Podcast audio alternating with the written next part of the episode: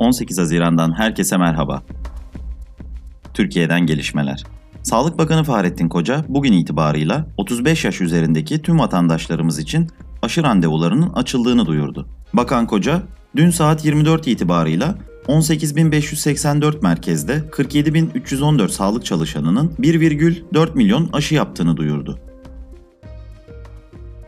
TBMM Başkanı Mustafa Şentop 10 bin dolar alan siyasetçi iddiasına ilişkin konuştu. Öncelikle şunu ifade edelim. Kastettiği isim TBMM'de milletvekili olan bir kişi değil diyen Şentop, Soylu'nun henüz bir isim söylemediğini belirtti. TBMM Başkanı Mustafa Şentop, Sedat Peker'den her ay 10 bin dolar alan siyasetçi var açıklamasının ardından soruşturma başlatılması için belge istediği İçişleri Bakanı Süleyman Soylu ile görüşmüş, görüşmenin içeriğine ilişkin bir açıklama yapılmamıştı. HDP'nin İzmir il binasına silahlı saldırı düzenlendi. Saldırganın açtığı ateş neticesinde parti çalışanı Deniz Poyraz hayatını kaybetti. HDP Twitter hesabı üzerinden saldırının polislerin gözetiminde gerçekleştirildiği mesajını paylaştı.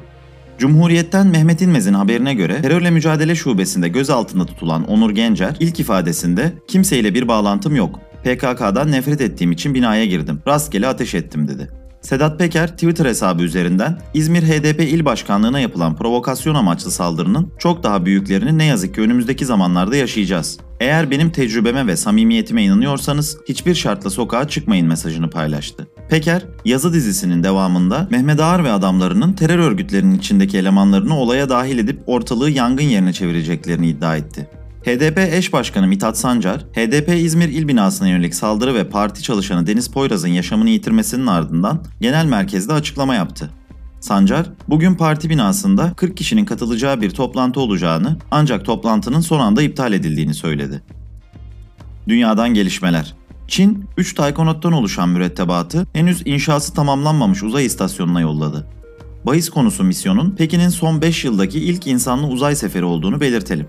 Çin'in uzay istasyonu ABD'nin liderliğinde faaliyet gösteren 20 yıllık uluslararası uzay istasyonuna bir alternatif olarak geliştirildiği biliniyor. İstasyonun inşası ise 2022'nin ikinci yarısına tamamlanacak.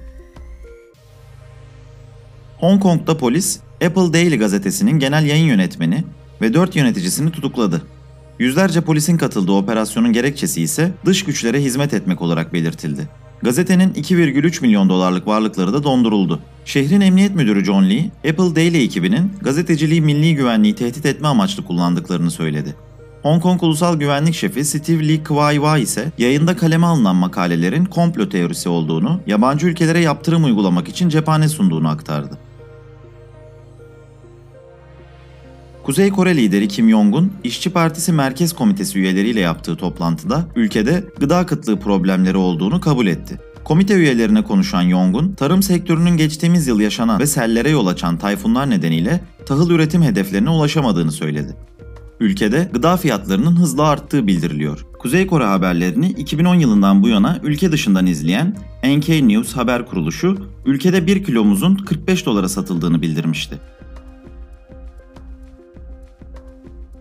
El Salvador'un Bitcoin'in ülkede resmi para birimi olarak uygulamaya konulması için yardım talebine Dünya Bankası olumsuz yanıt verdi. Gerekçe ise Bitcoin'in çevresel etkileri ve şeffaflık sorunları.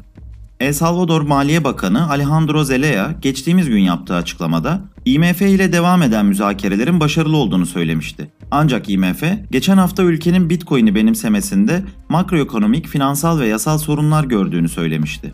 El Salvador Bitcoin'i resmi para birimi ilan eden ilk ülke olmuştu.